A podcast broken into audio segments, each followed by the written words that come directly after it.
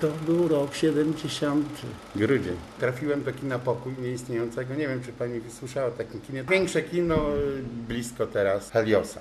Dosłownie, na Mikołaja. To kino było po niemieckie, dość duże było, bo miało ponad tysiąc miejsc. Czyli wynika z tego, że już pracuję 48 lat ponad.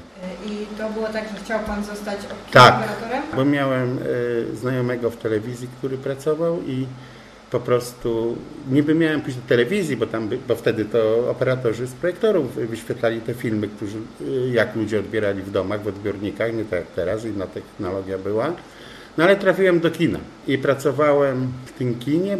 Następne kino to było kino Polonia Krzyżoromskiego, też powinna Pani pamiętać. Znaczy to kino było charakterystyczne w tamtych czasach, bo to było jedyne kino na Dolnym Śląsku prawdopodobnie studyjne. I na przykład y, były prelekcje przed filmem, nie na żywo co prawda, nagrywane przez magnetofon puszczane i to te prelekcje przeważnie Pani Litwiniec to wiadomo była jakby współtwórczyni y, teatru Kalambur. Więc to kino było charakterystyczne. Miało trochę bardziej taki arthouse'owy repertuar, chociaż tej nazwy nie było w tamtych czasach, już mówię, że to kino studyjne.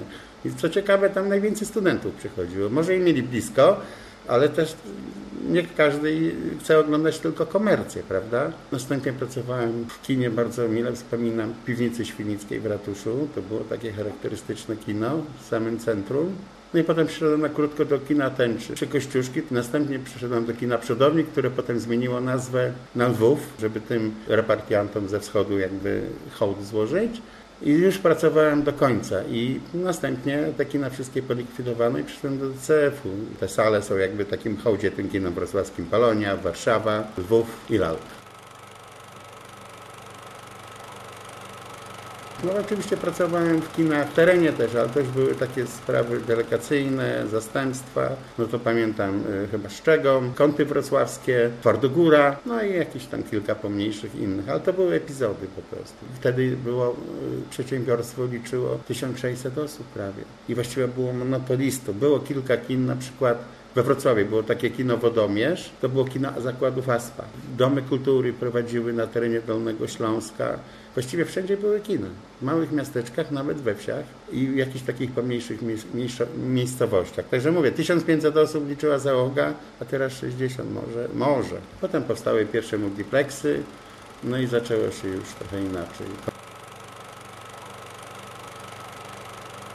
Przyszły te nowe technologie. Jeszcze 8 lat temu grało się z taśmy, filmy y, analogowo. I to jest fajna rzecz, bo to się nie zmieniło od 100 lat prawie. Ta główka, jak bracia Lumière wymyślili, to praktycznie było to samo, tam trochę ulepszane, nie? Taki film z taśmy, według mnie, y, ma wyższą jakość. Tak przynajmniej fachowcy mówią, że inne barwy, inne wysycenie. No i to kino jest takie ciekawsze, może się film zerwać, te rysy, jak jest kopia zgrana, widać, a tu już takie bardziej cukierkowa cyfra jest. No, ale ma swoje plusy i minusy. Tam był problem zawsze kopii w Polsce. Te kina dostawały yy, w pierwszej kolejności te większe, potem dopiero do tych mniejszych skończyło. W tej chwili jest taka możliwość, że mogą wszyscy dostać w jednym czasie kopię. Taka kopia jest bardziej cukierkowa z cyfry.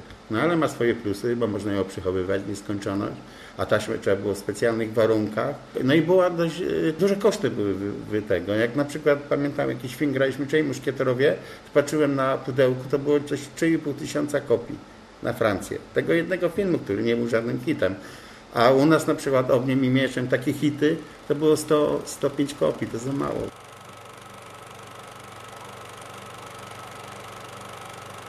Kina do kina się tą kopię przewoziło, czy... Yy, później tak. No jak kino kończyło grać, oddawało do drugiego, ale były takie ciekawe rzeczy jak pędle tak zwane, żeby zwiększyć te zyski. Na przykład dwa kina grały w jednym czasie tą samą kopię. Przesunięcie czasowe było.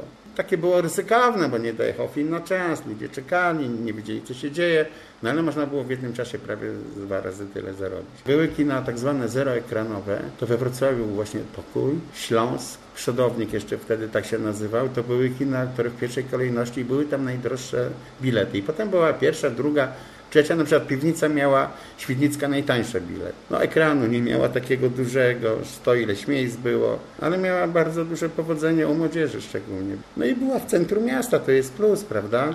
No ale z takich kin, które robiły pieniądze, to był właśnie Śląsk, Przodownik, Warszawa i Pokój.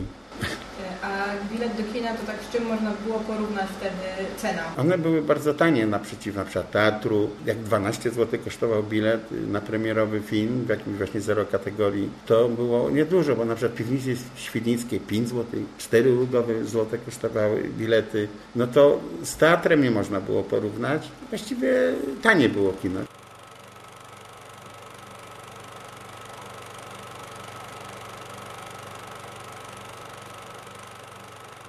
W tamtych czasach były tak zwane konfrontacje.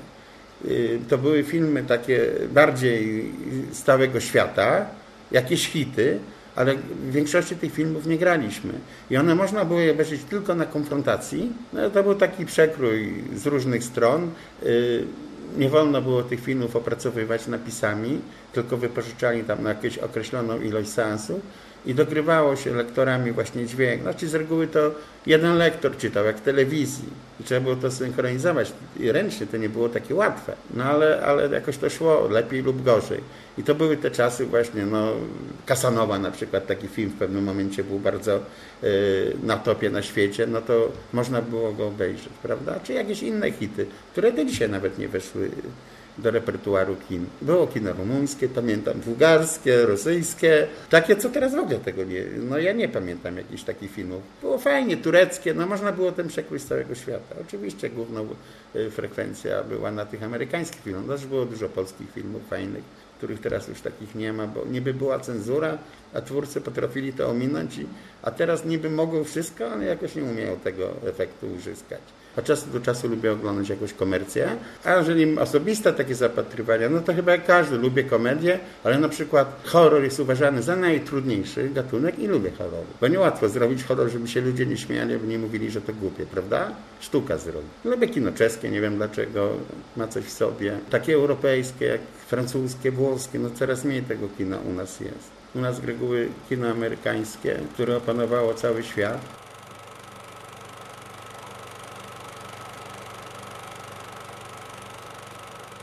Stara taśma palna, to jeszcze nie za moich czasów była, tylko wcześniej. I już tak naprawdę y, przy tej taśmie już nowoczesnej nie było problemów tak naprawdę, żeby to się zapaliło, jak wtedy, że się zapalił, wyrzucał przez okno, samochód się zapalił. Prawdziwe zdarzenia, bo to się żywym ogniem paliło. Ta taśma już była trudnopalna, celuloidowa, ta co jest do dzisiaj zresztą. Była ciężka praca, bo film, y, wiadomo, ważył dużo. To nie ma porównania, teraz kaseta waży 30 deko, a wtedy film 30 kg, 40 trzeba było to przerzucać, trzeba było te filmy montować. No teraz mamy, też mamy możliwość z taśmy grać to na różne sposoby. Wtedy było, były dwa projektory. No teraz można grać z dwóch i można grać z jednego talerza, z tak zwanego. Ale coraz mniej tych kopii już jest. Są kopie, są kopie zakonserwowane, eleganckie, czasami się wypożycza. Na zachodzie jest taki powrót, y, że nawet y, w Holandii jest taki festiwal, które tylko z taśmy celuloidowej grają. No to chyba jako ciekawostka, no bo ciekawostek jest dużo. Na przykład przeminęło z wiatrem w Atlancie, grają już ponad nie wiem, 60 ileś lat i nie mogę się nadziwić, skąd ci ludzie się tam biorą. No ale teraz jest coraz mniej, bo teraz no, po prostu cyfrówka się lepiej opłaca.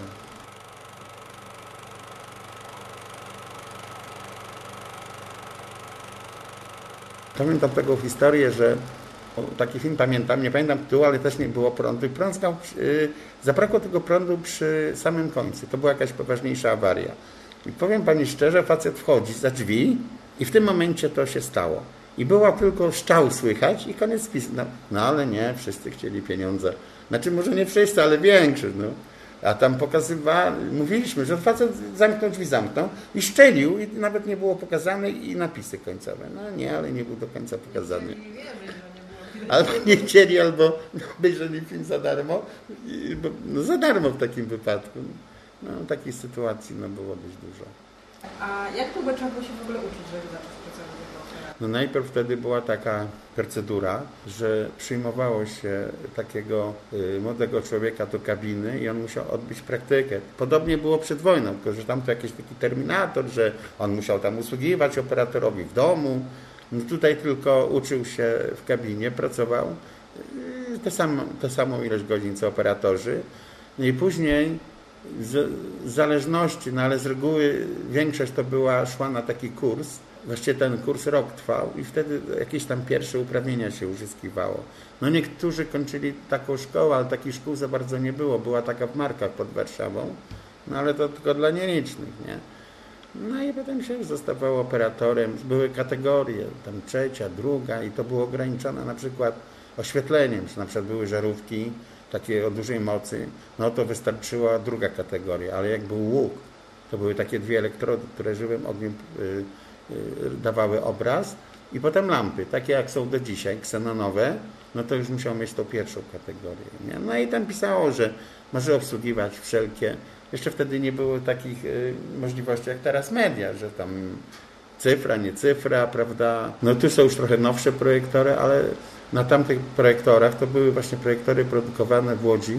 To była firma, która prowadziła, głównie produkowała sprzęt dla wojska, peryskopy do łodzi podwodnych. A jak miała jakieś przystoje, to się zajmowała właśnie takim sprzętem. I co ciekawe, była jedynym takim producentem prawie w tym krajach RWPG, no, w, tej, jak, w tych demoludach, jak mówili kolokwialnie. Ale dobry był ten sprzęt jakościowo i, i służył tyle lat. Naprawdę kilkadziesiąt lat.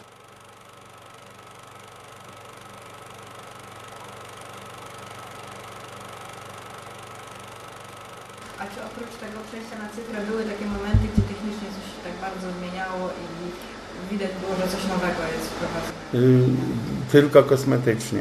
Te projektory, ta, no wiadomo, no były nowsze wzmacniacze, prawda, nowszej generacji. No potem weszło stereo, a już ten stereo zapis.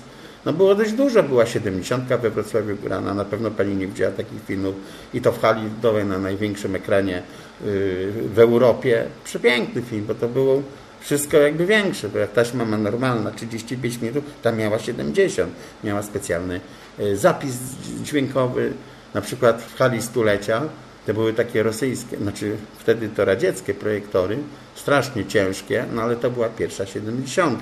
Kino Warszawa już jakieś tam niemieckie, perkony, ale byłem kilka razy tylko w życiu widziałem, ale straszne wrażenie na mnie to zrobiło.